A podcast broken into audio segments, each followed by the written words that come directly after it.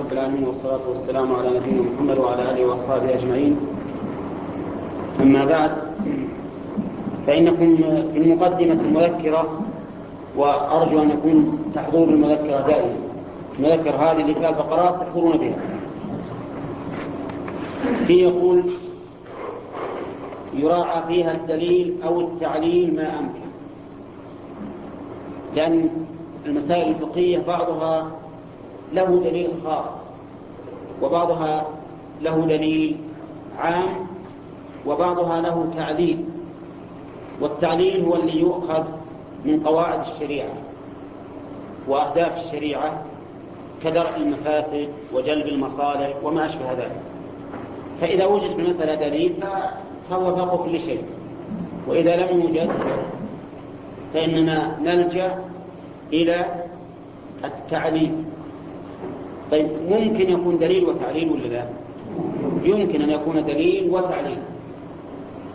ثانيا مع ترجيح الراجح من أقوال أهل العلم. وهذا أيضا مهم ولا سيما بالنسبة لكم. إن الإنسان يكون عنده ملكة ومقدرة يستطيع أن يعرف بها الراجح من المرجوح من أقوال أهل العلم. لأنكم تعرفون أن أهل العلم يختلفون في الأحكام لأسباب متعددة. منها أن يكون بعضهم لم يبلغه الدليل. ومنها أن يكون بعضهم بلغه الدليل لكن ظن دلالته على كذا. أو ظن أنه على عمومه وهو قد خصص. أو ظن أنه محكم وهو قد نسخ وما أشبه ذلك. فيحصل بذلك الاختلاف بين أهل العلم. والاختلاف بين أهل العلم هو بالنسبة للمختلفين. تسعهم رحمة الله سبحانه وتعالى ولا يؤاخذون بهذا الاختلاف. من أصاب منهم فله أجران ومن أخطأ فله أجر. لكن بالنسبة لمقلديه إذا تبين لهم الحق فإنه لا يجوز لهم أن يتبعوا عالما على خطئه هو قد يعذر بخطئه لكن نحن الذين نريد أن نقلده إذا علمنا أن قوله مخالف للسنة فإنه لا يجوز لنا أن نقلده. حتى لو قال قائل أليس هذا إماما؟ نقول له بلى لكنه إمام أخطأ وكل إنسان يمكن أن يخطئ. هو هو في نفسه معذور حيث أخذ بهذا القول المخالف للسنة لأننا نعلم أنه أداه إليه اجتهادا لكن أنت أيها المقلد غير معذور حينما يتبين لك الحق. ولهذا يقال إن أقوال أهل العلم يحتج لها ولا يحتج بها. يمين حجة ما لم يكن إجماع. إذا كان إجماع فالمسألة خارج عن هذا الموضوع. ولهذا نقول مع ترجيح الراجح من أقوال أهل العلم وقد سبق لنا غير مرة أنه لا يمكن الترجيح إلا بسلوك أمرين. أحدهما تقوية الجانب المرجح والثاني دفاع قول الخصم وأدلته. يعني ما يمكنك أنت بترجح قول وتقول لأن النبي صلى الله عليه وسلم يقول كذا أو لأن القرآن يقول الله فيه كذا. لا ما يكفي هذا. حتى إيش؟ حتى تدفع حجة خصمك. فإذا تبعت حجة الخصم وأثبتت حجتك حينئذ يتبين الراجع. يراجع عليها من حديث بلوغ المرام والمنتقى وشروطهما وهذا طبعا لا بد أن أن نعتني به. يعني ما نقتصر على شرح المدرس لأن المدرس يفوته بعض الشيء. فلا بد لطالب العلم أنه هو بنفسه يرجع إلى الكتب التي ألفها أهل العلم في هذا الأمر. أما في الفقه فهو الروض المربع والمغني واختيارات شيخ الإسلام ابن تيمية. وإن حصل الفتاوي فهي أولى لأن الاختيارات الحقيقة يذكر فيها رأي الشيخ مجردا عن الدليل والتعليل في الغالب. لكن الفتاوي إذا إذا تكلم فإنه يذكر الدليل والتعليل. وعلى كل حال من أراد العلم فبابه مفتوح معلوم نبدأ الآن بالمقرر فنقول كتاب النفقات تعريف النفقة. النفقة هي كفاية من يمون كفاية من يمونه طعاما وكسوة وسكنة كفاية من يمونه طعاما وكسوة وسكنة فالطعام يدخل فيه الأكل والشرب والشرب يسمى طعاما بقوله تعالى فمن شرب منه فليس مني ومن لم يطعمه فإنه مني. ولأن المشروب له طعم فهو طعام. إذا كفاية من يمونه إيش؟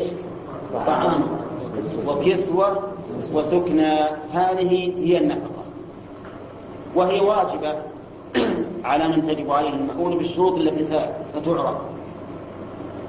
واجبة لأن الله تبارك وتعالى أمر بها بقوله لينفق ذو سعة من سعته ومن قدر عليه رزقه فلينفق مما آتاه الله.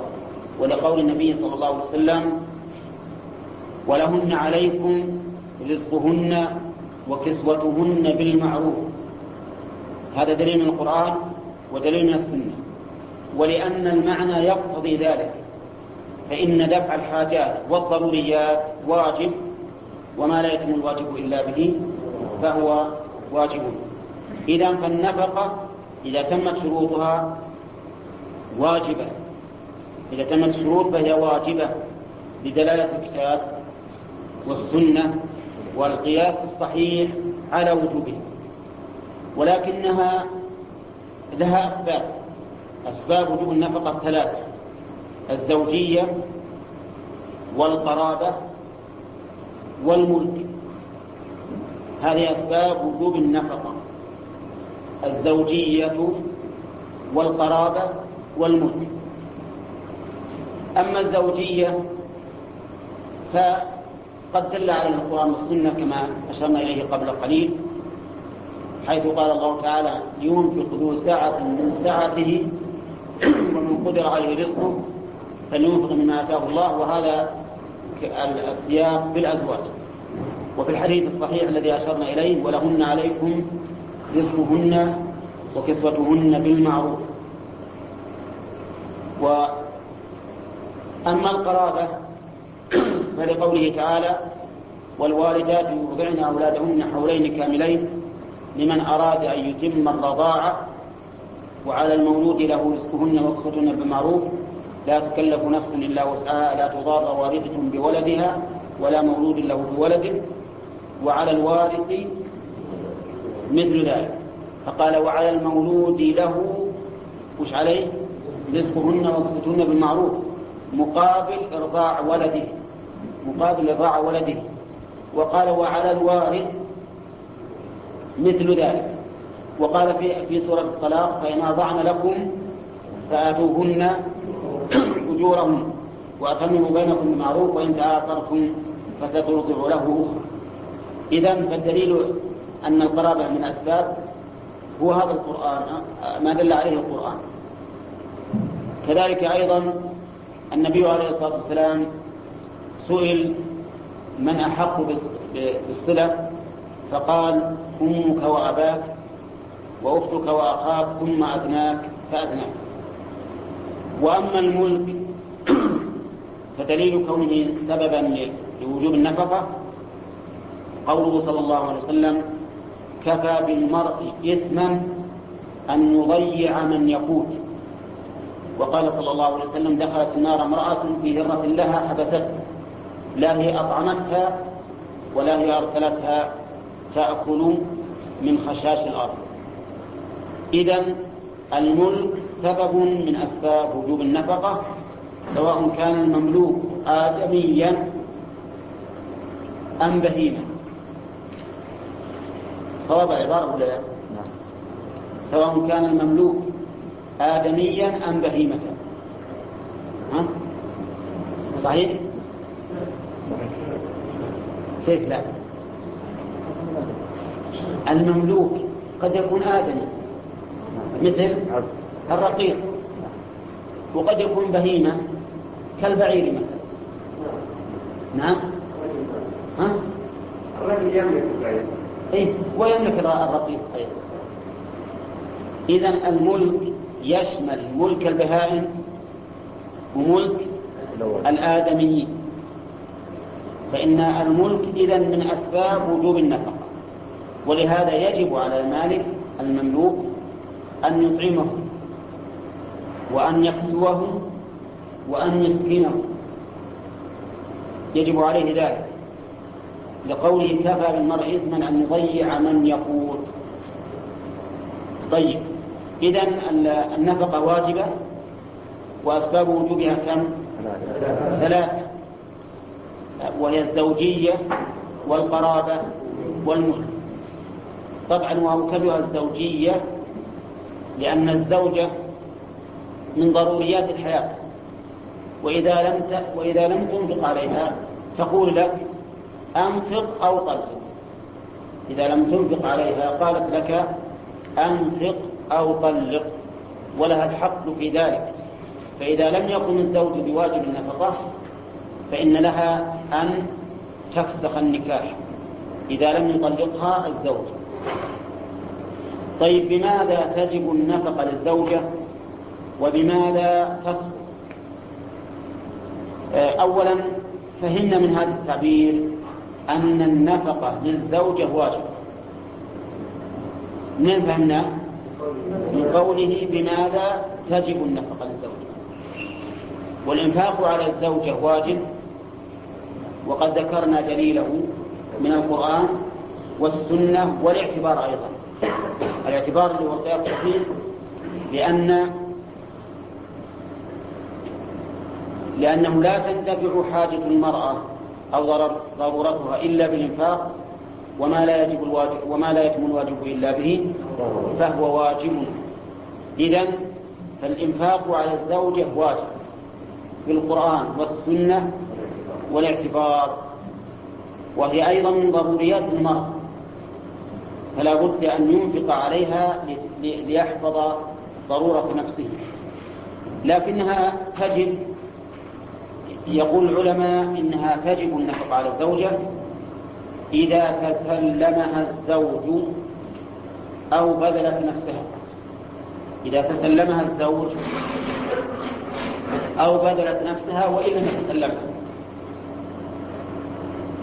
أما تسلمه إياها فواضح بأن يدخل عليها أو تزفى إليه. بأن يدخل إليها كما هي عادتنا نحن أن الزوج يذهب إلى الزوجة عند أهلها أو تزف إليه كما هي عادة السابقين وعادة بعض المسلمين اليوم. أن الزوج يبقى في بيته وليؤتى بالمرأة إليه. ولهذا قال بعض العلماء أن الإنسان الذي ينتظر أن تزف إليه زوجته يعذر بترك صلاة الجماعة لأنه ينتظر زوجته فيخشى إذا خرج إلى المسجد وجاءوا إلى البيت لم يجدوا أحدا فيقولون هذا الرجل استخار. نعم. نعم. المهم سبحان الله. هكذا قال. طيب. آه، إذا إذا تسلمها أو بذلت نفسها وإن لم يتسلم. أو فرضنا أن المرأة قال له أهلها نحن مستعدون. أي ليلة تدخل مستعدين. لكنه هو يماطل لعذر أو لغير عذر. فهنا تجب النفقة. ما دام التأخير منه فإنه واجب عليه أن ينفق وذلك لأنها زوجة والاستمتاع بها ممكن والتأخير من من الزوج. فإذا هي معذور معذورة لأنها بذلت الواجب ومستعدة لتمكينه من الاستمتاع. والنفقة في مقابلة الاستمتاع لقوله ولهن مثل الذي عليهن بالمعروف. فإذا كان كذلك وكان التأخير منه فإنه لا يعذر بأي شيء بسقوط النفقة بل يجب عليه أن ينفق. وعلى هذا لو أنه تزوج امرأة وعقد عليها وقالوا له تفضل ادخل الليلة قابلة ولكنه أبى وصار يماطل فيهم فإنه يجب عليه الإنفاق لأن عقد النكاح قد تم وهي محبوسة لأجله وتأخير التسليم أو التسلم من من الزوج فيجب عليه أن ينفق لكنه لو طلب الإمهال لمدة جرت بها العادة. مثل قال انتظروا هذا الأسبوع حتى أرتب منزلي وما أشبه ذلك. ففي هذه الحال هو معذور. هو معذور. فلا نفقة عليه حينئذ لأنه ترك تسلمها لعذر. وأما إذا كان يماطل بهم فليس له الحق في إسقاط النفقة نعم. نعم. بين وبين مدة طويلة ها؟ يكون بينهم مدة طويلة لا ما يكون بينهم مدة طويلة. الآن كان بالأول يمكن يصير لا الآن أبدا. ها؟ هو النادر اللي أعرف الآن غالب الزواجات أنهم يعقدون إما ليلة الزواج ولا قبل بيومين ثلاثة هذا الغالب. يمكن بعض الأحيان يخاف أن المرأة تفوت يعقد له عليها ويتأخر مثلا لمدة سنة أو ستة أشهر أو سنتين أيضا. ها؟ هذه المسألة الآن يمكن نبحثها. إذا إذا كان تأخير الدخول باتفاق بين الطرفين. مثلا آه، البنت صغيرة. أو مثلا أهلها لهم عذر يريدون أن تبقى عندهم لمدة معينة. فهل تسقط النفقة حينئذ أو لا تسقط؟ لأنه باتفاقهم. الظاهر أنها لا تسقط هنا. لا تسقط النفقة وأنه يجب عليه الإنفاق لأنه لو شاء مش لو شاء لطلب المبادرة في الدخول. فينظر إذا طلب المبادرة في الدخول وأبوا حينئذ يكون ليس لها نفقة. لكن ما دامت المسألة باتفاقهم فإنها محبوسة له وتأخيرها برضا منه فيجب عليه الإنفاق. وطبعا هذا عند التنازع أما عند التسامح مثلا عندنا ما دامت المرأة لم يتسلمها الزوج فالمعروف عندنا أنه ليس لا ينفق عليه. فمع التسامح لا بأس به. لكن عندما يأتي المحاقة وكل واحد منهم يريد الحق فإنه على هذا التفصيل الذي سمعته. طيب بماذا تسقط النفقة؟ نعم.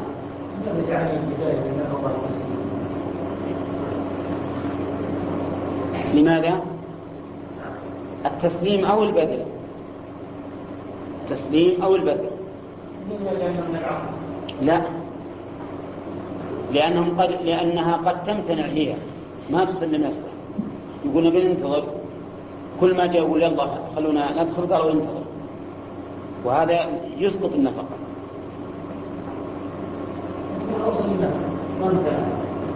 إذا امتنع. ولهذا قلنا إذا بذلت نفسها وكان التأخير من الزوج وجب عليه الإنفاق.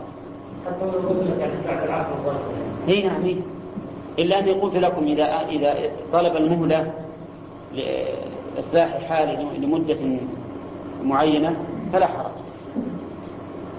طيب النفقة تسقط. أولا لا بد أن نعلم أن النفقة في مقابلة الاستمتاع.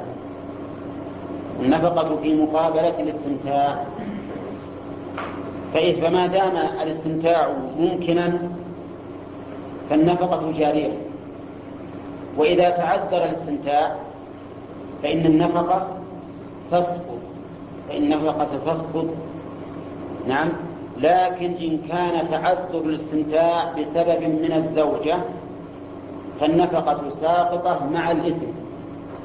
وإن كان بغير سبب منها فالنفقة ساقطة ولا إثم عليه. وإن كان بسبب من الزوج فالنفقة باقية. النفقة باقية. فحينئذ يقول الأصل ونحن نريد أن نرسم خطوطا عريضة في هذا الباب. فنقول النفقة الأصل فيها أنها في الوجوب في مقابلة الاستمتاع. فإذا تعذر الاستمتاع فإن كان بسبب من المرأة بدون عذر نعم. فالنفقة ساقطة بعد؟ ما لأنه لا يجوز لها كما مر علينا في باب عشرة النساء لا يجوز لها أن تمنع زوجها من الاستمتاع بها بالمعروف. وإذا كان بسبب من المرأة بدون مع العذر فإنها ساقطة بدون إثم ساقطة بدون إثم وإذا كان بسبب من الزوج فإنها باقية. جارية ما تسقط هذه هي الخطوط العريضة في هذا الموضع ونحن نذكر لذلك أمثلة. مثلا امرأة صامت نفلا صيام النفل يمنع من كمال الاستمتاع. ولا لا؟ لأنه الزوج الآن لو أراد أن يستمتع منها بجماع في أثناء النهار وإن كان يجوز له أن يفعل ولكنه يجد نفسه في حرج يجد نفسه في حرج أن يفسد عليها صومها. إذا فهنا منعته من كمال الاستمتاع مع أنه لا يجوز لها أن تصوم به وهو حاضر إلا بإذنه. إلا حتى حينئذ نقول في هذه الحال النفقة ساقطة في النهار يعشيها ولا يغطيها ولا لا؟ طيب السحور يجب عليه ولا ما يجب؟ ما يجب لأنه هو الغداء لأنه هو الغداء نعم ها؟ لا لا أنت تستمتع به بالنهار في العشاء أفطرت الآن. تمكن من الاستمتاع. تمكن من الاستمتاع. فتسقط نفقتها بعد مع أن الفقهاء يقولون إنها تسقط نفقتها مطلقا حتى في الليل لأنها منعته كمال الاستمتاع. منعته كمال الاستمتاع. طيب لو لو سافرت المرأة لعذر. كمرض سافرت بعذر كمرض تسقط نفقتها ولا لا؟ تسقط لكن بلا إثم. تسقط بلا إثم. لأن هذا الأمر لعذر. وكذلك لو مرضت فلم يتمكن من الاستمتاع بها فإنها تسقط ولكن بلا إثم. لأنها معذورة ذلك. طيب لو سافرت لو سافرت لحاجة الزوج هو الذي أمرها تسقط ولا لا؟ ها؟ لماذا؟ لأن تعذر الاستمتاع من جهته هو تعذر الاستمتاع من جهته هو الذي أمرها أن تسافر وهذا القول هو الراجح والمذهب يقولون إذا سافرت ولو بإذنه إذا كان لحاجتها فإنها تسقط النفقة. ولكن الصحيح أنه إذا أذن فإن امتناع الاستمتاع هنا بإذنه. فهو الذي أسقط حقه. لو شاء لقال لها لا تسافري. لو شاء لقال لها لا تسافري. نعم. طيب هذا مكانك يا بيان ها؟ اي طيب.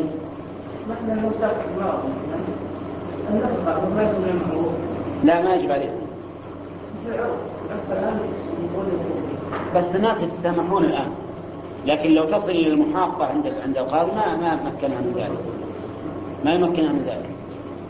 نعم؟ إيه إذا ما تأثم. لكن وش ذنب الزوج إن خليه ينفق سنة أو سنتين على زوجته وهي تعالج؟ هي بذمته نعم. لكن بذمته ولم ولم ينتفع بها نعم؟ ما هي زوجة زوجة لكن النفقة مقابل الاستمتاع فإذا كان ما حصل له الاستمتاع فإنها تسقط.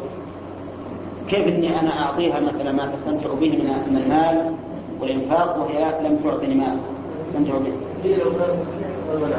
معلوم. ولهذا قلنا إنها لا تأتي. هي الآن لها حق للزوج عليها حق الاستمتاع فإذا امتنعت منه بدون عذر فهي آثمة بدون نفقة ولعذر فلا نفقة ولا ولا إثم. لكن يبقى علينا أن نناقش الموضوع بالنسبة للعرف. هل نقول مثلا إن العرف إذا جرى بأنه إذا تعذر الاستمتاع لعذر فالنفقة جارية وأننا نتبع في ذلك العرف؟ لأن الله تعالى يقول وعاشرهن بالمعروف.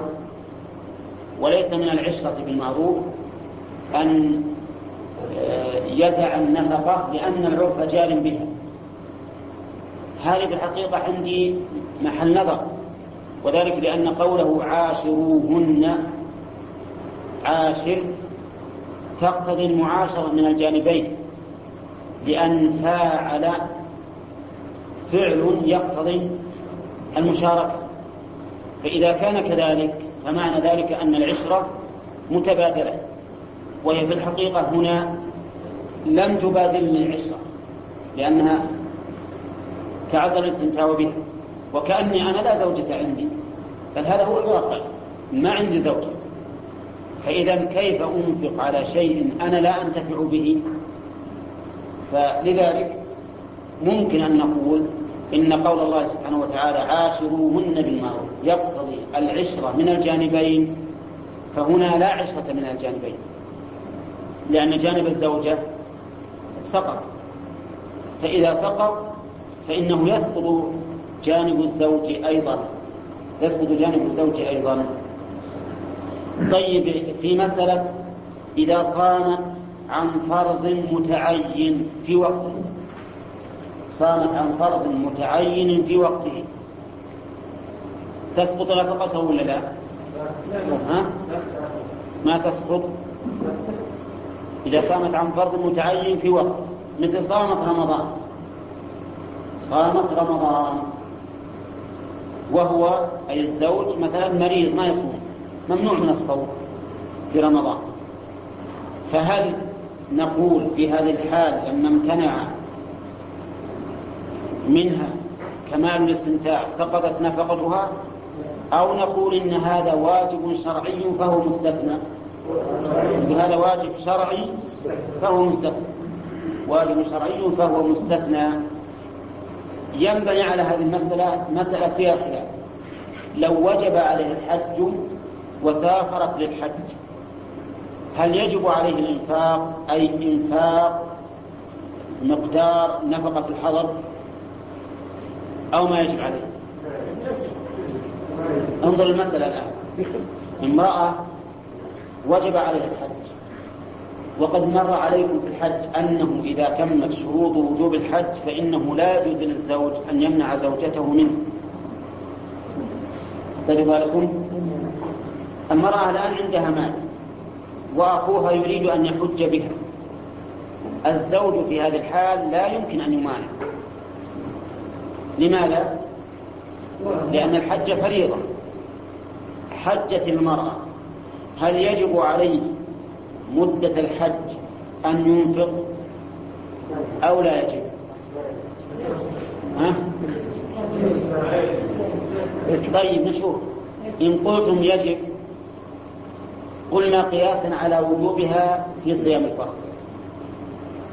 وإن قلتم لا يجب قلنا قد يكون بينهما فرق. قد يكون بينهما فرق. من جهة أن الصيام نصف الوقت يستمتع به وهو الليل, الليل. ثم في النهار أيضا له أن يستمتع منها بالتكبير والضم وما أشبه ذلك. لكن إذا سافر ها انقطع الاستمتاع بها ليلا ونهارا. نعم كاملا وناقصا. نعم فعلى هذا لا يمكن القياس. لا يمكن القياس. ومن ثم قال الفقهاء إنه إنها إذا سافرت إلى الحج فإنه ليس لها نفقة. نعم. إلا أنهم قالوا إذا كان الفرض بسببها كالنذر وأما إذا كان الفرض بأصل الشرط فإنه يجب عليه الإنفاق. يجب عليه الإنفاق لأن هذا مستثنى شرعا مثل ما قالوا في وجوه في صيام الفرض. الخلاصة أننا يعني ينبغي لطالب العلم ولا سيما بالنسبة لكم أنتم أن نعرف الخطوط العريضة في هذا الباب. ثم تأتي هذه المسائل الجزئية تجد أنها فيها خلاف والخلاف هذا مبني على تحقيق المناط. تحقيق المناط في هذه المسألة. هل إنه يتحقق في مسقط النفقة أو لا يتحقق. ما هي الخطوط العريضة اللي قلنا؟ قلنا إن النفقة الأصل فيها أنها في مقابل الاستمتاع. فإذا تعذر الاستمتاع فإن كان من جهة الزوج فالنفقة واجبة. تجري عليه. إذا كان من جهة الزوجة لعذر سقطت بدون إذن وإذا كان منها لغير عذر سقطت مع الإثم. سقطت مع الإثم. هذا هو الضابط والمسائل الفردية كثيرة لكن هذا هو مدار هذه المسألة. إذا تسقط النفقة بكل ما يفوت الاستمتاع من قبل من؟ من قبل الزوج. لكن إن كان لعذر فهي, فهي غير آثمة وإن كان لغير عذر فهي آثمة. فالضابط إذا لما يسقط النفقة ما هو الضابط؟ الضابط لما يسقط النفقة. كل ما يمنع الاستمتاع من قبل من؟ من قبل الزوجة. من قبل الزوجة. وأما إذا كان من قبل الزوج مثل افرض أن الزوج مرض. مرض مرضا لا يستطيع معه أن يستمتع بزوجته. تسقط النفقة ولا لا؟ لماذا؟ لأن التعذر هنا من جهة الزوج أو مثلا إنسان زوج يحب الصيام يصوم دائما ويقوم الليل نعم فهل تسقط النفقة؟ ما تسقط بل في هذه الحال للزوجة أن تطالبه للزوجة أن تطالبه ولهذا منع النبي عليه الصلاة والسلام عبد الله بن عمرو بن العاص أن يصوم النهار ويقوم الليل وقال إن لزوجك عليك حقا. نعم. طيب كيف تقدر؟ كيف تقدر النفقة؟ نقول رسم الله تبارك وتعالى لنا كيف نقدره. فقال لينفق ذو سعة من سعته. ومن قدر عليه رزقه فلينفق مما آتاه الله. فلينفق مما آتاه الله. فذو السعة وهو الغني ينفق بحسب غناه. والإنسان الذي قدر عليه رزقه يعني ضيق ينفق مما آتاه الله. وإلى أي شيء نرجع إلى المعروف. لقوله تعالى وعلى المولود له رزقهن وكسوتهن بالمعروف وقوله صلى الله عليه وسلم ولهن عليكم رزقهن وكسوتهن بالمعروف. إذا الآن المرجع العرف. وكيف تقدر؟ نقول على الموسع قدره وعلى المقتل قدره. من قدر عليه رزقه فلينفق مما آتاه الله. هنا اختلف العلماء بعد اتفاقهم أن النفقة حق للزوجة وعلى الزوج. اختلفوا هل المعتبر حال الزوج أو حال الزوجة أو حالهما جميعا. انتبهوا يا جماعة. هل المعتبر بالسعة والضيق والضيق حال الزوج أو حال الزوجة أو حالهما جميعا؟ نعم. طيب. يرى بعض العلماء أن المعتبر حال الزوج ويرى آخرون أن المعتبر حال الزوجة ويرى آخرون أن المعتبر حالهما المعتبر حالهما جميعا. ويظهر ذلك بالأمثلة. موسر تحته موسرة. وش الواجب عليه؟ ها؟ نفقة موسر. يعني أعلى النفقات إذا كان الزوج موسرا والزوجة موسرة. يجب هنا يجب أن تكون النفقة من أعلى النفقات. نفقة موسر. معسر وزوجته معسرة. الزوجة من بيت فقراء وهو أيضا فقير. وش الواجب عليه؟ نفقة معسر وفي هذين النوعين لا تختلف الأقوال. الأقوال ما تختلف. ولا لا؟ لأن إذا صار موسر وتحته موسرة أو معسر تحته معسرة إن قلت الاعتبار بحال الزوجة فهي معسرة في المثال الثاني وموسرة في المثال الأول. إن قلت المعتبر حال الزوج فهو موسر في المثال الأول ومعسر في الثاني. إن قلت المعتبر حالهما فكلاهما موسر في الأول وكلاهما معسر الثاني طيب يظهر طيب قسم ثالث متوسط تحته متوسطة. ها؟ وش نفقت متوسط على الأقوال كلها. أليس كذلك؟ طيب. موسر تحته معسرة. نعم. متوسط. متوسط. لأن المعتبر حالهما على القول بأن المعتبر حالهما حالهما يكون نفقة متوسط لأن موسر مع معسر واحد إلا أربعة ولا لا؟ موسر نصف ومعسر ربع. ولو كان هذا موسر صار كامل. فيكون بينهما. تكون النفقة نفقة متوسط ما يجب على الزوج إلا نفقة متوسط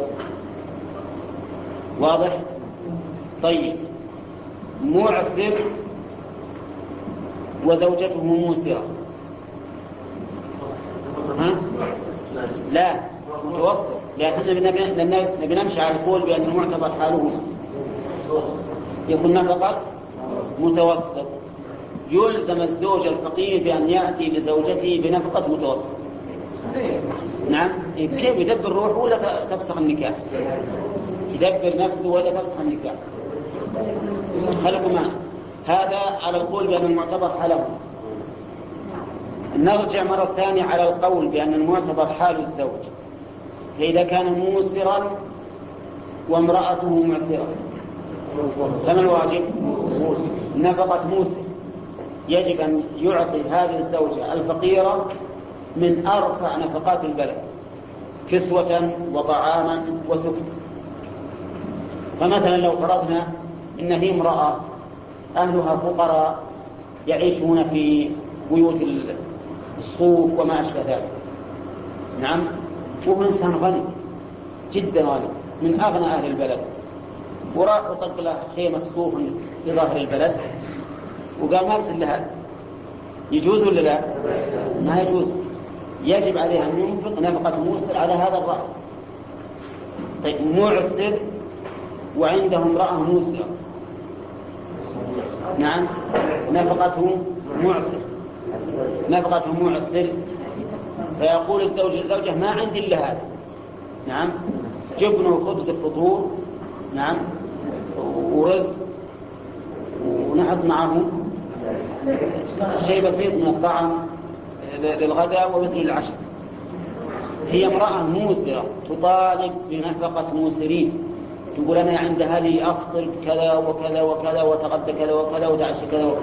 لازم تعطيه مثل اللي عند هذه يلزمه ولا ما يلزمه؟ نعم ما يلزمه لأنه معتبر حال الزوج. معتبر حال الزوج. نأتي إلى القول الثالث الذين يقولون باعتبار حال الزوجة. نعم. فقير عنده موسرة وش يلزم؟ بنفقة موسر يلزم بنفقة موسر إذا قال ما عندي شيء نقول وش اللي جابك؟ المسلمين ورا ما أخذت امرأة فقيرة. نعم؟ ليش تجيب دولة فيلزم بنفقة موسر طيب. موسر تحته فقيرة عنده فقيرة. وش الواجب عليه؟ نفقة فقير. نفقة فقير. يعني معناه إذا صار عنده زوجتين وحده امرأة من, من ناس موسرين ووحده من ناس معسرين يحط هذه في كلة فيها كنبات ويحملها في السيارة المكندشة أو كل شيء. وهذه يحطها في خيمة صوف نعم ويحملها بالعربية ولا على الحمار؟ وليس لها إلا هذا. نعم. ليش؟ لأنه لا يجب عليه لهذه إلا نفقة معسر. حيث إن المعتبر إيش؟ حال الزوجة. ما يعطي العادل بينهم أن يعطي كل واحدة ما يجب لها. نعم الآن لو بيعطي الفقيرة أكثر مما يجب لها صار مائلا جائرا. ولو ينقص الموسى خلى مثل الفقيرة صار جائرا. هنا ها؟ لا هم هذا يرون إن الحكم يتعلق بالمرأة. أنا قلت على على الرأي هذا. طيب المذهب عند الحنابلة أن المعتبر حالهما. ففي فقيرة تحت موسر أو موسرة تحت معسر يجب متوسط. وعند الشافعية المعتبر حال الزوج المعتبر حال الزوج. ففي فقيرة تحت موسر نفقة موسر وفي غنية تحت معسر نفقة معسر. وعند أبي حنيفة المعتبر حال الزوجة ففي موسرة تحت فقير نفقة موسر. وفي فقيرة تحت غني. نفقة معسر فقير. ولكن أصح هذه الأقوال الذي يشهد له القرآن والسنة أيضا أنه أن المعتبر من؟ حال الزوج. حال الزوج. لقوله تعالى وهو نص صريح لينفق ذو سعة من سعته. ولم يذكر المنفق عليه. سكت الله عن المنفق عليه. إذا ليس له اعتبار المنفق عليه. ومن قدر عليه رزقه فلينفق مما آتاه الله. والتعبير في قوله مما آتاه الله إشارة إلى أنه معذور. هذا الذي أعطي. ولهذا قال بعدها لا يكلف الله نفسا إلا ما آتاه سيجعل الله بعد عسر يسرا. إذا فالصواب في هذه المسألة أن المعتبر حال الزوج وأنه ليس للزوجة الحق في أن تطالبه أكثر مما لا يستطيع. حتى لو كانت ابنة ملوك فإنها ليس لها إلا ما يستطيع زوجها. والآية في ذلك صريح. فإذا قالت أنا أنا آكل عند أهلي هذا النوع من الأكل وألبس هذا النوع من اللباس وأسكن في هذا النوع من المسكن قلنا لها ولماذا أجبت أو رضيت بهذا الزوج؟ لماذا رضيت به؟ نعم فليس لك الحق إلا فيما يقدر عليه. نعم. نعم. إيه لأنه, لأنه غني. لأنه غني. والدليل على هذا أنه قال ما يكفيك لو كان ما عنده شيء من انتهى الرجل غني لكنه كما قالت إنه رجل شحيح. لا يعطيها ما يكفيها ولد بالمعروف. نعم. من يجوز إذا كان غني فقير. إذا كان غني فقير. ما طالب على قول الراجح ما تطالب قول الصحيح أن الغني تحت الفقير ما له إلا نفقة فقير. كيف؟ نعم معلوم. ما له إلا هذا. يعني الله يقول لا يكلف الله نفسا إلا ما أتاه ولكننا مع ذلك نقول لها انتظر الفرج. فإن الله يقول سيجعل الله بعد عسر يسرا. والسين في قول سيجعل الله تفيد معنى ما هما؟ التحقق وقرب الوقوع. التحقق وقرب الوقوع. إذا يقول انتظروا فرج. الفرج قريب لأن الله تعالى وعد بذلك. سيجعل الله بعد عسر يسرا. ثم سيجعل الله بعد عسر يسرا.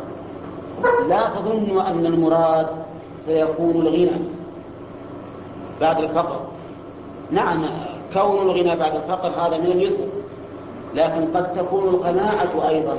قد يجعل الله تعالى الإنسان قنوعا راضيا بما قدر الله له فيكون هذا العسير عليه يسيرا. حتى لا تقولون إن الآية تخلف وعدها.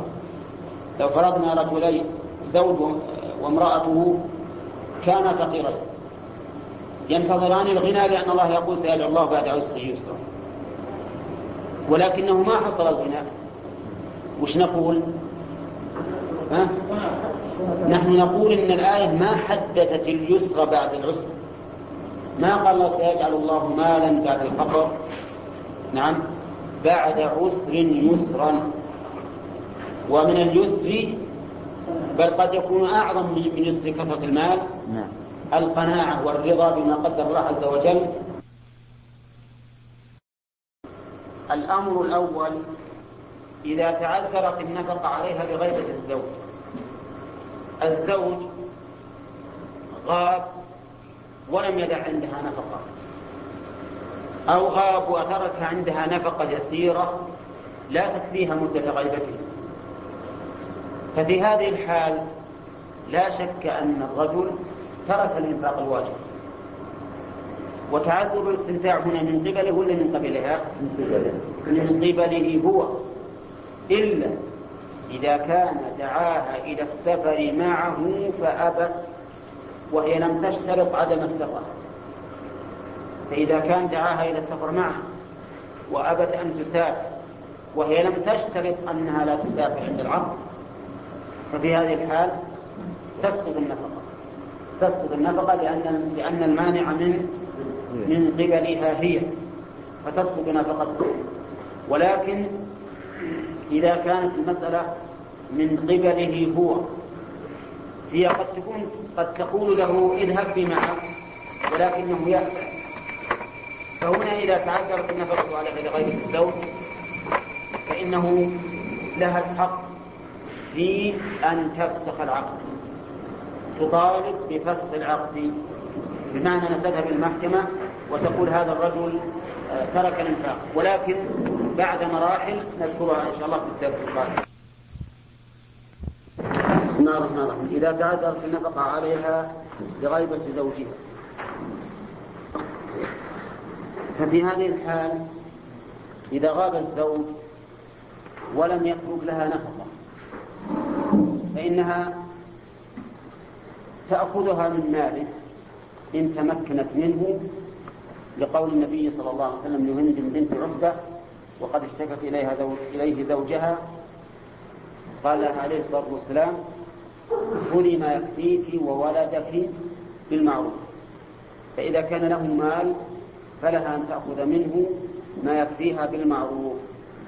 يعني غير مقترة ولا مبذرة فإن لم يكن له مال فإن أمكن أن تستدين عليه لتنفق على نفسها فعلت يعني مثل أن تذهب إلى رجل وتقول إني أريد أن آخذ منك نفقة وتأخذ حسابها من زوجي. إذا أمكن هذا فعلت. إذا لم يمكن ذلك فإن لها الفصل بطلبها بإذن الحاكم. إذا لم يمكن فإن لها الفصل بطلبها من الحاكم بطلبه من الحاكم يعني القاضي تذهب إليه وتقول إن زوجي غاب نعم وإنه لم يدع لي نفقة وأنا أطلب فصله. وفي هذه الحال الحاكم يجب عليه أن يحتاط. بمعنى أن يراسل الزوج. يراسل الزوج فإن أمكن أن يرسل نفقة فإنه لا عذر للزوج حينئذ. وإذا لم يمكن فإن لها أن تفسخ. اللهم إلا في الحال التي لا يكون زوجها بعيدا أو مجهولا وتتضرر بالانتظار فحينئذ للحاكم أن يفسخ النكاح. هذا هو تفصيل تعذر النفقة عليها إلى غاية الزوج. أما إذا كان لإعساره إذا كان لإعسار الزوج يعني بأن كان الزوج معسرا لا يستطيع الإنفاق فهذه المسألة فيها خلاف بين أهل العلم. منهم من يقول إنها إن لها الفصل. منهم من يقول إن لها الفصل. لأن إن كان الحياة مع هذا الزوج متعذرة حيث إنها تحتاج إلى النفقة وليس عندها نفقة. فلها أن تفسر ولأنه يروى عن النبي صلى الله عليه وسلم في المرأة يعسر زوجها بنفقتها هل تفارقه أو لا؟ فقال النبي صلى الله عليه وسلم لها الفراق. وقال بعض أهل العلم إنه إذا أعسر فلا فإنها تسقط النفقة عنه وليس لها حق الفصل لأن التعذر هنا ليس بيده. وليس من قبله. والحديث المروي عن النبي صلى الله عليه وسلم يقول ابن القيم إنه, إنه غير صحيح ولا يصح عن النبي صلى الله عليه وسلم ذلك. ولأن الله تعالى يقول ومن قدر عليه رزقه فلينفق مما آتاه الله لا يكلف الله نفسا إلا ما أتاه. وقد اتفق العلماء على مقتضى هذه الآية بأنه ليس بآثم إذا ترك الإنفاق لإعسار ليس بآثم لأن الله يقول لا يكلف الله نفسا إلا ما أتاه ولكن هل هذا يوجب سقوط حق المرأة من الفسخ أو لا؟ هذا محل الخلاف. فمنهم من يقول إنه لا إن لها الفسخ ومنهم من يقول إنه ليس لها الفسخ. ومنهم من يقول بل عليها إذا كانت غنية أن تنفق على زوجها. نعم. إذا كانت غنية عليها أن تنفق على الزوج. لأن الله يقول وعلى الوارث مثل ذلك وهي وارثة لزوجها فعليها أن تنفق عليه إذا كان معسرا وهذا رأي ابن حزم أن لها أن تنفق يجب عليها أن تنفق عليه إذا كان معسرا وهي غنية. ولكن جمهور أهل العلم على خلاف ذلك. وقال إن, إن, إن قوله تعالى وعلى الوارث مثل ذلك ظاهر في أن المراد من الأقارب. لأنه قال وعلى المولود له رزقهن وكسوتهن بالمعروف. الكلام الآن في الإنفاق على الزوج. ثم قال وعلى الوارث مثل ذلك يعني معناه ينفق على الزوجة لإرضاعها الولد إذا لم يكن له أب. ولكن المسألة في الحقيقة يتهادل فيها النظران.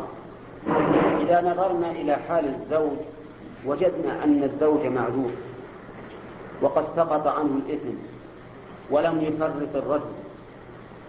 وإذا نظرنا إلى الزوجة وإذا هي أيضا في حاجة إلى النفقة. في حاجة إلى النفقة بل في ضرورة فمن ينفق عليه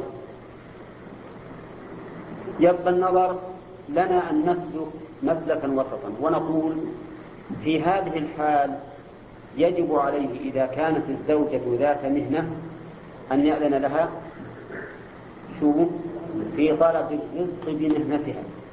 وحينئذ ليس لها حق الفصل ليس لها حق الفصل إذا كان الزوج قد أذن له أن تفوت الاستمتاع منها لأجل حصول المعاش لها فإنها حينئذ ليس لها حق الفصل لأنه في الحقيقة كأنه أنفق عليه. وأما إذا كان لا يمكن هذا فإن الذي يظهر أن لها حق الفصل إذا طالبت به. ولا يرد على ذلك أن كثيرا من الصحابة رضي الله عنهم كانوا معسرين ولم تفسخ زوجاتهم منه. لأن الجواب على هذا من أحد وجهين. أولا من يقول إنهن طالب فلعلهن رضين بذلك. ثانيا نقول إنها إذا تزوجت عالمة بعسرته فليس لها حق الفسخ بلا شك. إذا تزوجته عالمة بعسرته فقد دخلت على بصيرة فليس لها حق الفسخ.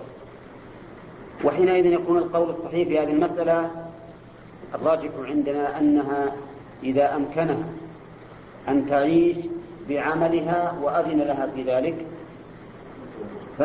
لها حق الفسق. وهو في هذه الحال كأنه المنفق لأنه بإذنه لها فوت على نفسه الاستمتاع بها ثانيا إذا كانت قد تزوجته عالمة بعسرته فليس لها حق الفسق. وذلك لأنها قد دخلت على بصير. وهذا واضح أيضا. أما إذا كانت المرأة ليس بيدها مهنة يمكنها أن تعيش فيها والزوج ليس يمكن أن ينفق عليها فإنها في حاجة إلى النفقة فلها الحق أن تطالب بالفصل لتتزوج من يمكنه أن ينفق عليه. طيب الإنفاق على المفارقة بموت أو حياة؟ الإنفاق على المفارقة بموت أو حياة. أولا المفارقة بموت ليس لها نفقة على زوجها. وذلك لأن المال انتقل منه إلى الورثة. فليس المال ماله الآن بل المال مال غيره. فليس للمرأة حق فيه. وعلى هذا فالمفارقة بموت ليس لها نفقة مطلقا. حتى ولو كانت حاملا. نعم. نعم حتى ولو كانت حاملا فإذا قال قائل إذا كانت حاملا فإن الله يقول وإن كن أولات حمل فأنفقوا عليهن.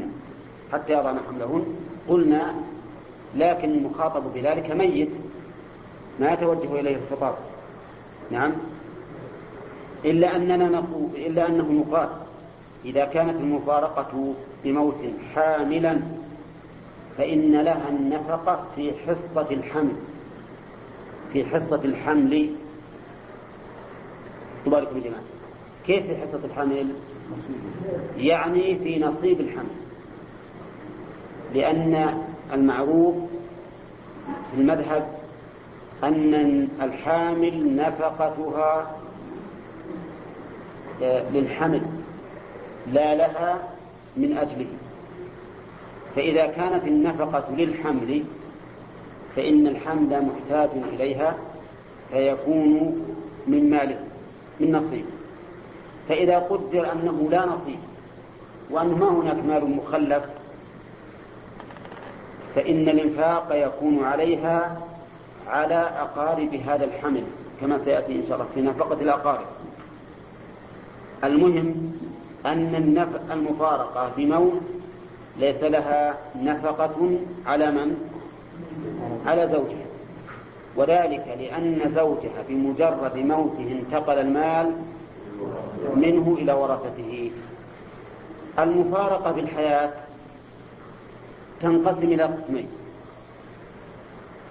الأولى رجعية والثانية مبانة بينونة كبرى أو صغرى فالرجعية لها النفقة. بكل حال. لماذا؟ لأنها زوجة كما قال الله تعالى وبعولتهن أحق بردهن في ذلك. وبعولتهن أحق بردهن في ذلك. وعلى هذا فهي زوجة. لها ما للزوجات وعليها ما على الزوجات ما عدا ما يتعلق بالاستمتاع أما إذا كانت بائنا فإن كانت حاملا فلها النفقة. وإن لم تكن حاملا فليس لها نفقة. الدليل قوله تعالى وإن كن أولات حمل فأنفقوا عليهن حتى يضعن حملهن. ولأن النبي صلى الله عليه وسلم قضى في فاطمة بنت قيس وكان زوجها قد طلقها آخر ثلاث طلقات أنه لا نفقة لها أنه لا نفقة لها لأنها ليست حاملا.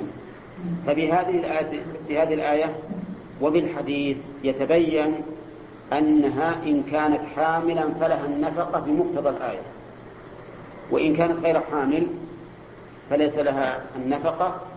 لحديث فاطمة بنت قيس وهو في الصحيحين أن الرسول عليه الصلاة والسلام قال له قال لها ليس لك نفقة على زوجك.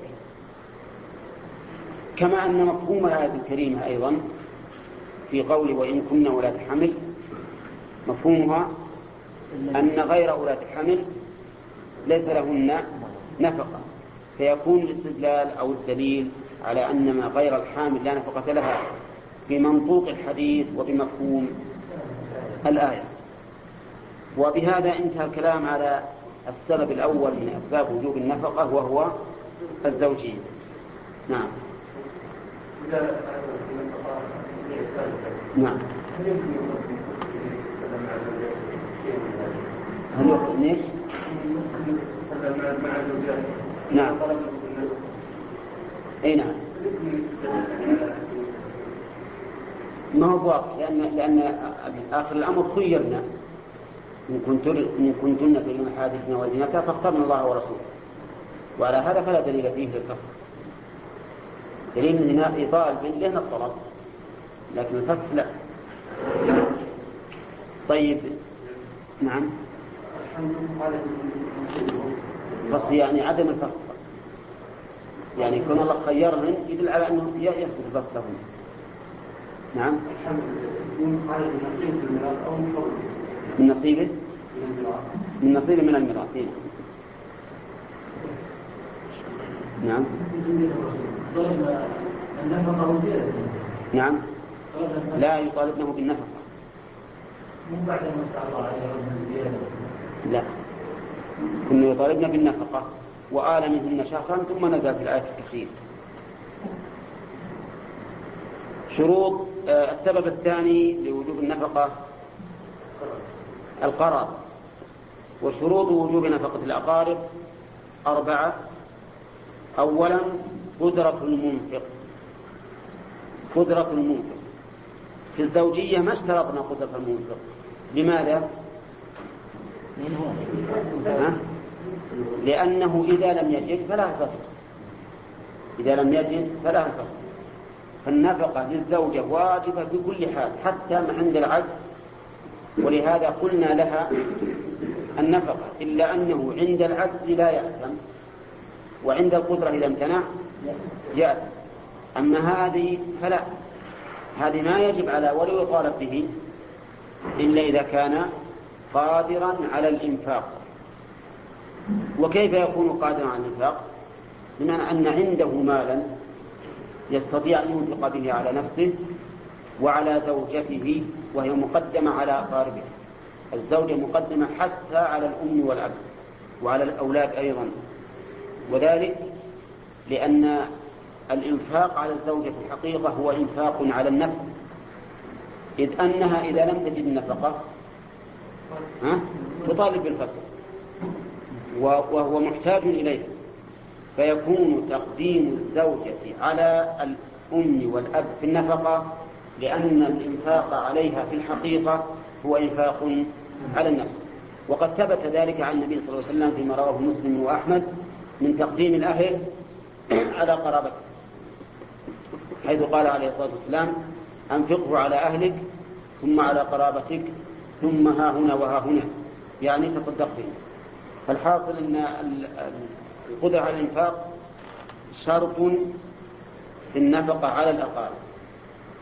ومعنى القدرة أن يكون لديه فاضل عن كفايته وكفاية أهله يعني زوجته أو زوجاته إن تعددت ثم بعد ذلك تأتي نفقة الأقارب. وهل تقدم الأصول على الفروع أو الفروع على الأصول؟ فيه خلاف ولكن الصحيح أن الفروع مقدمة على الأصول. أن الفروع مقدمة على الأصول. لأن الفرع أصل الفرع أصل. ولأن الأب ينفرد بالإنفاق على على ولده دون غيره. فيكون الإنفاق على الولد مقدما على الإنفاق على الأصول. في الأصول مثلا إذا قدر على نفقة أمه أو أبيه على واحد منهما أيهما يقدم؟ الأم لأنها أحق بحسن الصحبة. الشرط الثاني حاجة المنفق عليه. الشرط الثاني حاجة المنفق عليه. أما إذا كان غنيا فلا يجب أن ينفق. لا يجب أن ينفق غني على غني. لأنه يستطيع أن يقول له أنت لست بحاجة إلي فلا يجب علي الإنفاق عليه. فلا بد أن يكون محتاجا إلى النفقة. وهل المحتاج معناه من لا فلوس عنده؟ لا من لا فلوس عنده ولا عمل يكتسب به. فإذا قدر أن هذا القريب ما عنده فلوس لكن في يده صنعة يتمكن أن يعيش بها. قلنا يجب عليك أنت أيها المتعلم للصنعة أن تكتفي بصنعتك عن قريبك ولا يجب على القريب أن ينفق عليه في هذا الحال. فإن تعطلت فإن تعطل العمل لمرض أو غيره واحتاج وجب على القريب الغني أن ينفق. الشرط الثالث اتفاقهما في الدين. اتفاقهما في الدين من؟ المنفق والمنفق عليه. فإن كان الغني مسلما والفقير كافرا لم تجب النفقة. وذلك لأن الله تبارك وتعالى قيد وجوب النفقة بالإرث. فقال وعلى الوارث مثل ذلك وعلى الوارث مثل ذلك. فلما علق الحكم بوصف وهو الإرث وجب أن يكون ذلك الوصف علة الحكم.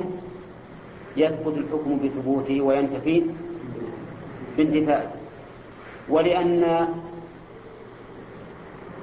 اختلاف الدين موجب للانقطاع التام بين المسلم والكافر لقوله تعالى لنوح عليه الصلاة والسلام في ابنه إنه ليس من أهلك فإذا كان لا صلة بينهما ولا نسب بينهما شرعا بمعنى وإن كان حسا فيهما نسب فإنه لا تجي لا يجب الإنفاق.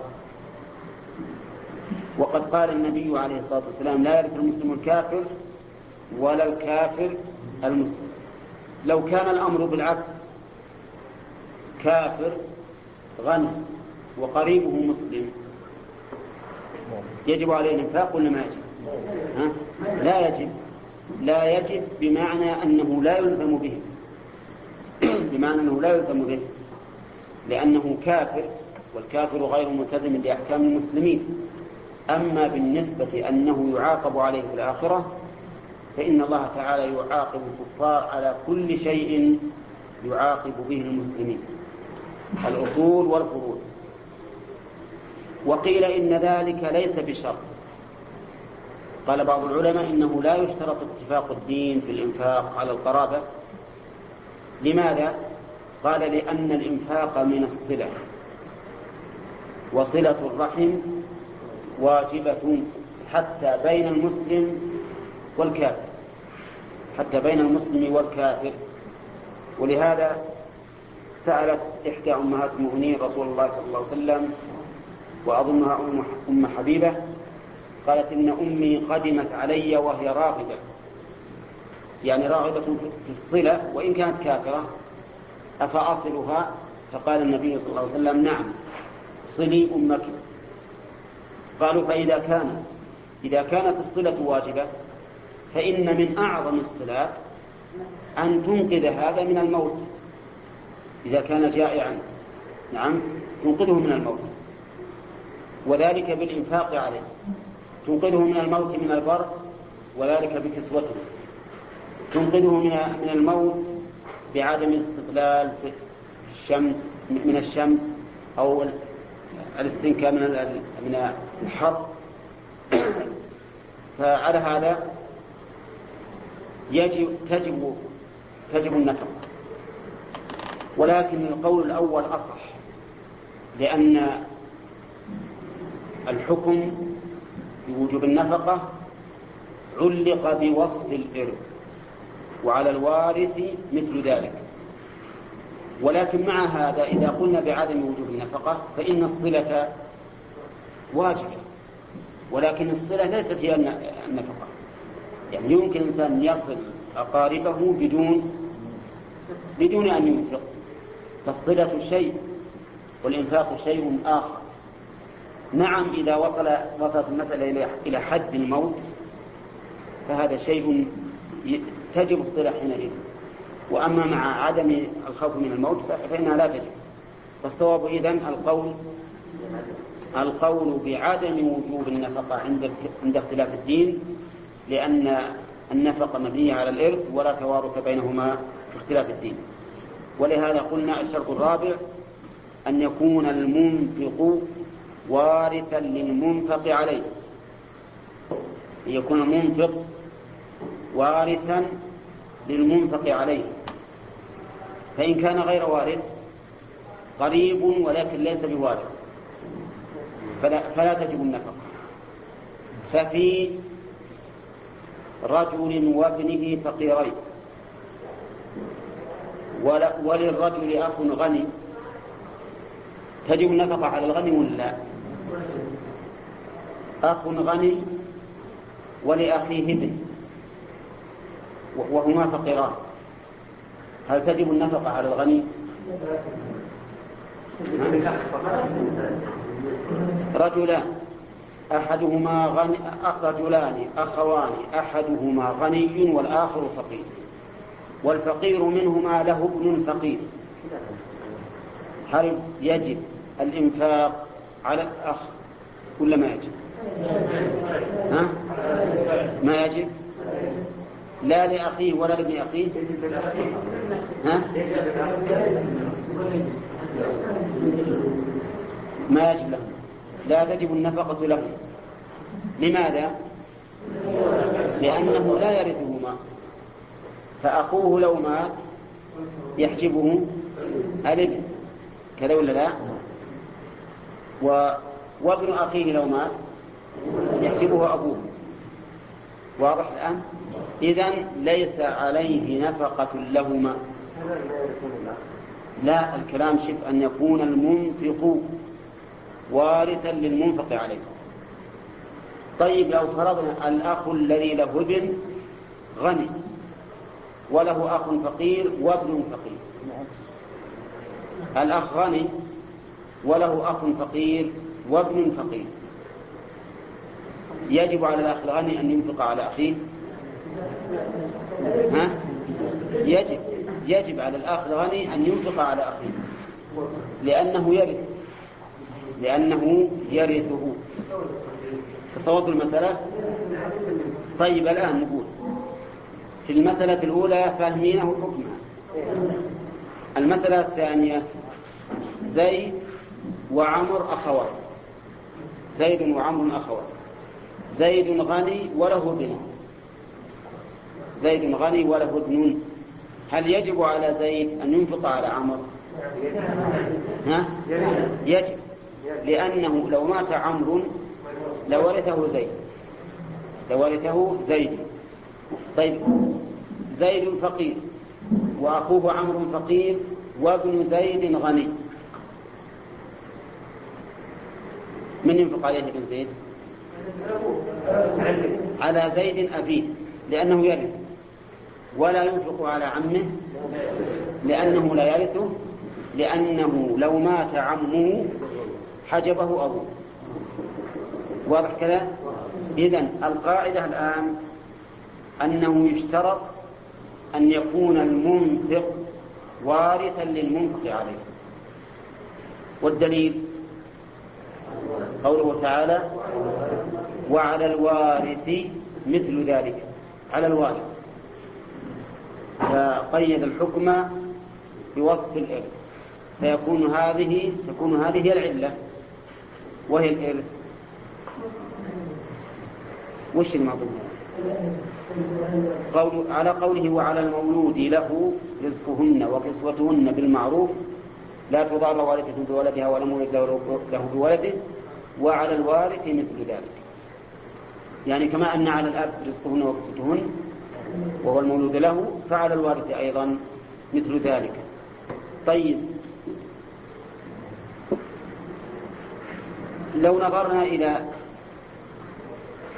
إلى حال الناس اليوم هل يعملون بهذا؟ ها؟ أبدا ما يعملون مع الأسف أنهم ما يعملون تجد أخوه مات من الجوع وهو يرث أخاه لو مات ومع ذلك لا ثواب. لا لا إنفاق لا إنفاق. ولكن مع عدم تحقق هذا الشرط وهو أن يكون المنفق وارثا هل تسقط الصلة؟ ولا لا؟ ها؟ ما تسقط الصلة. يعني الصلة بين الأقارب وارثين أو غير وارثين واجبة حتى لهم غير غير وارثين. لكن الصلة شيء والإنفاق شيء آخر. يقول عندي إلا في الأصول والفروع.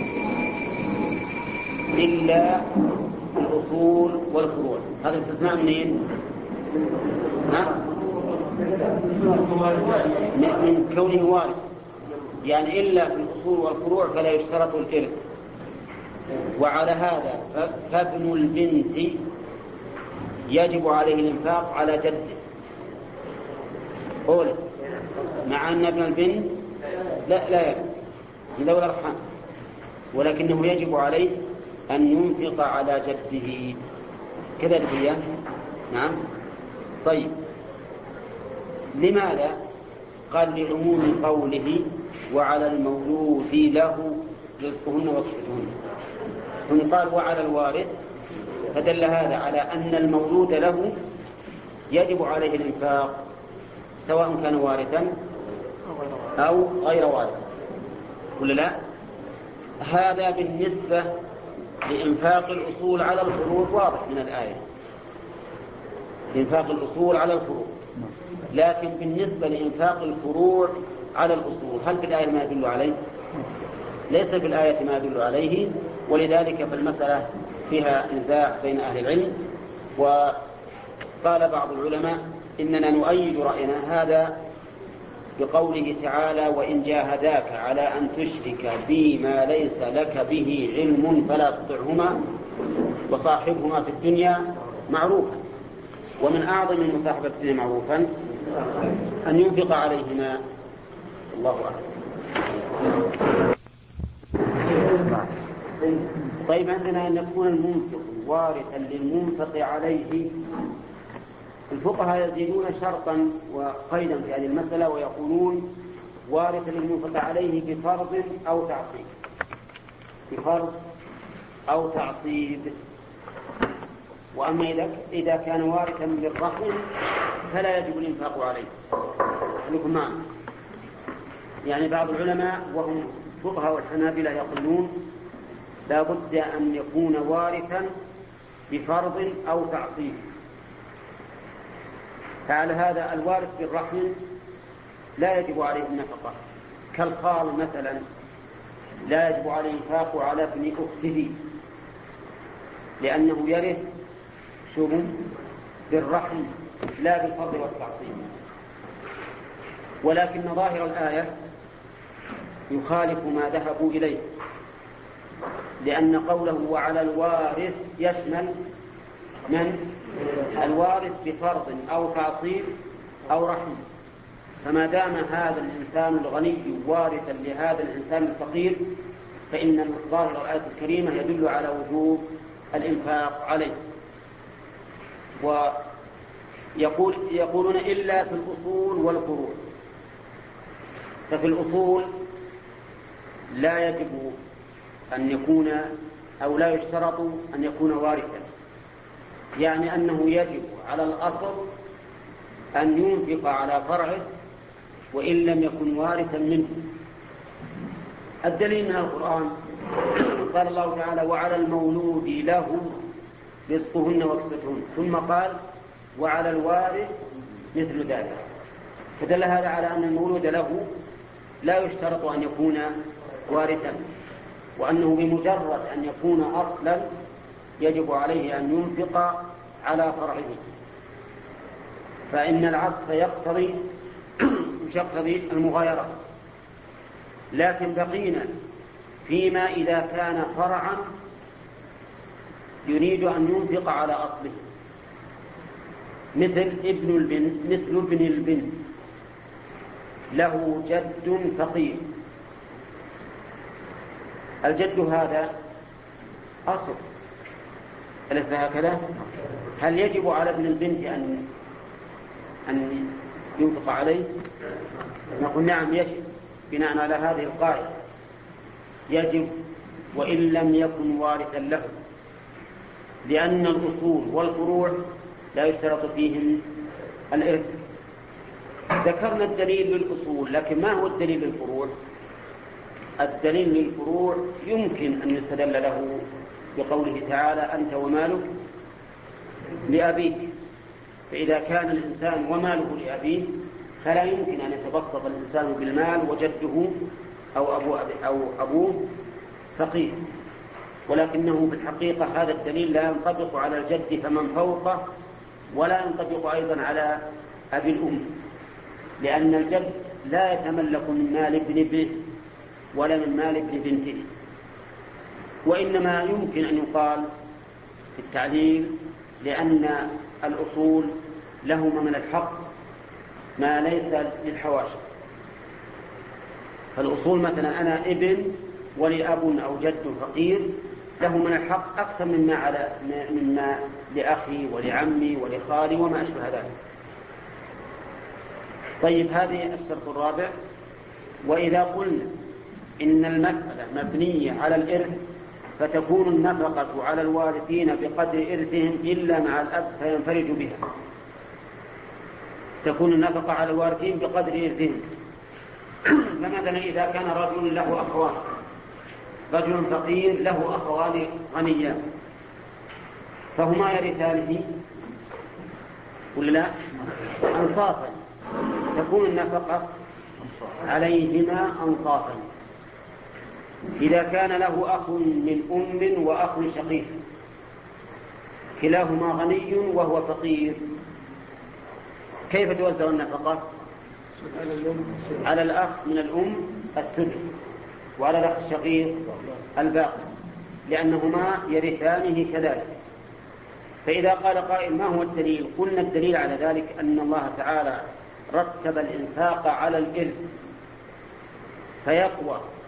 الإنفاق ويضعف بحسب قوة هذا الوصف وضعفه.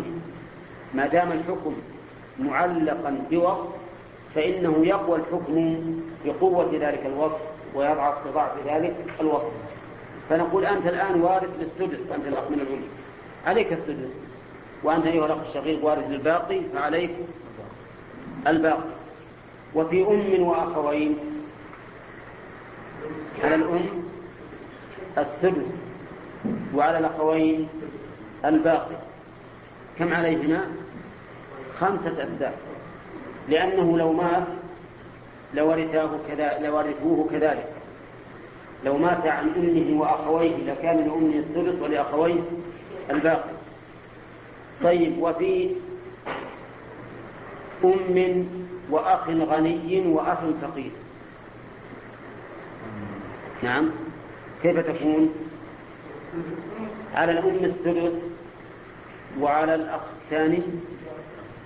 لا النصف بعد الثلث لأنه ما يرث منه إلا النصف بعد الثلث ويكون الباقي من النفقة ليس على أحد. لأن لأننا إذا قدرنا النفقة بالإرث فإنه إذا مات عن أمه وأخيه الشقيق وأخويه يكون للأم السدس وللأخوين لكل واحد منهما نصف ما بقي. فنقول على الأم سدس النفقة وعلى الأخ الشقيق نصف الباقي. وأما النصف الآخر فلا يجب عليه لأنه يقول إنما يجب الإنفاق عليك بسبب الإرث وأنا لا أعرف منك إلا هذا. طيب في أخ في أخ شقيق له ابن فقير.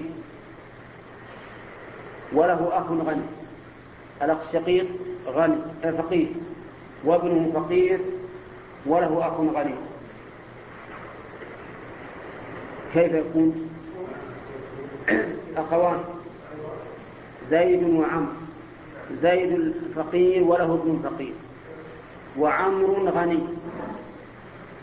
كيف تكون النفقة؟ ها؟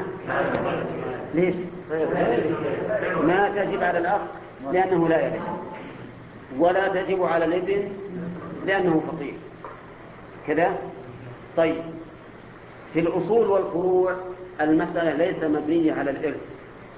ولهذا رجل له أم فقيرة.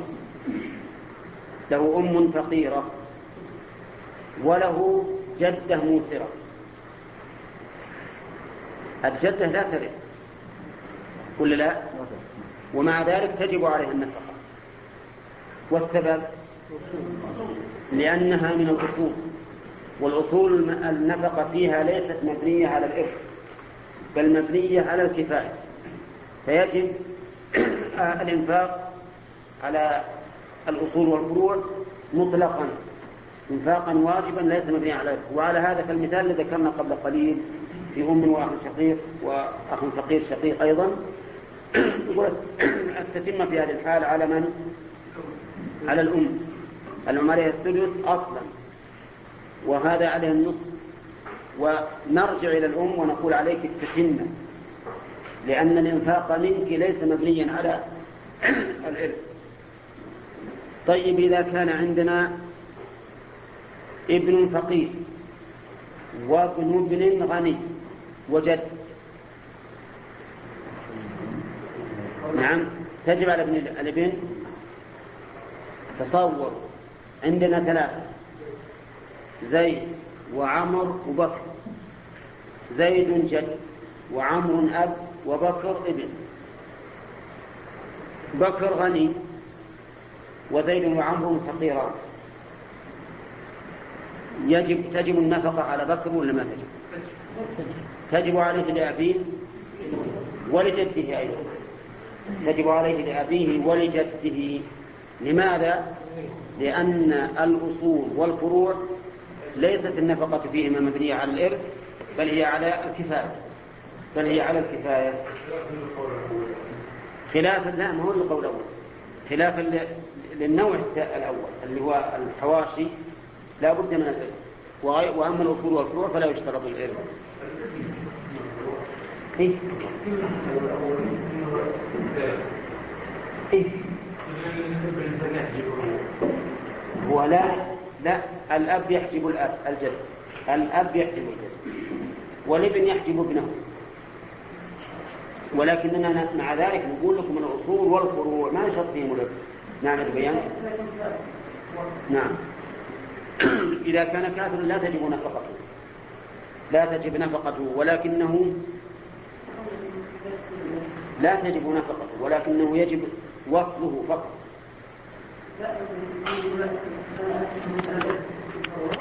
نعم. أنت والأب فإنها توزع. فإذا حصل نقص رجعنا إلى الأصول والفروع يكملون. طيب عندنا أن يقول تكون نفقة على الوارثين بقدر إرثهم إلا مع الأب فينفرد بها. الأب ينفرد بالإنفاق على أولاده. حتى لو مع وجود والد ولهذا الزوج ينفق على زوجته وعلى من؟ وعلى أولاده وهي لا تنفق على أولادها منه أليس كذلك؟ ولو قلنا إن المسألة مع الأب مبنية على الإرث لكان يجب على الأم السدس مثلا ويكون على الأب الباقي أو المرة الثانية للتوضيح هذا ابن فقير له أم موسرة وأب موسر. من النفقة عليه؟ على الأب. ينفرد بها. ولو قلنا إنها مبنية على الإرث لكان على السدس. نعم. وعلى وعلى الأب الباقي. طيب. أم وجد أم موسرة وجد موسر كيف توزع؟ بقدر الإرث بقدر الإرث يكون على الأم السدس وعلى الجد الباقي.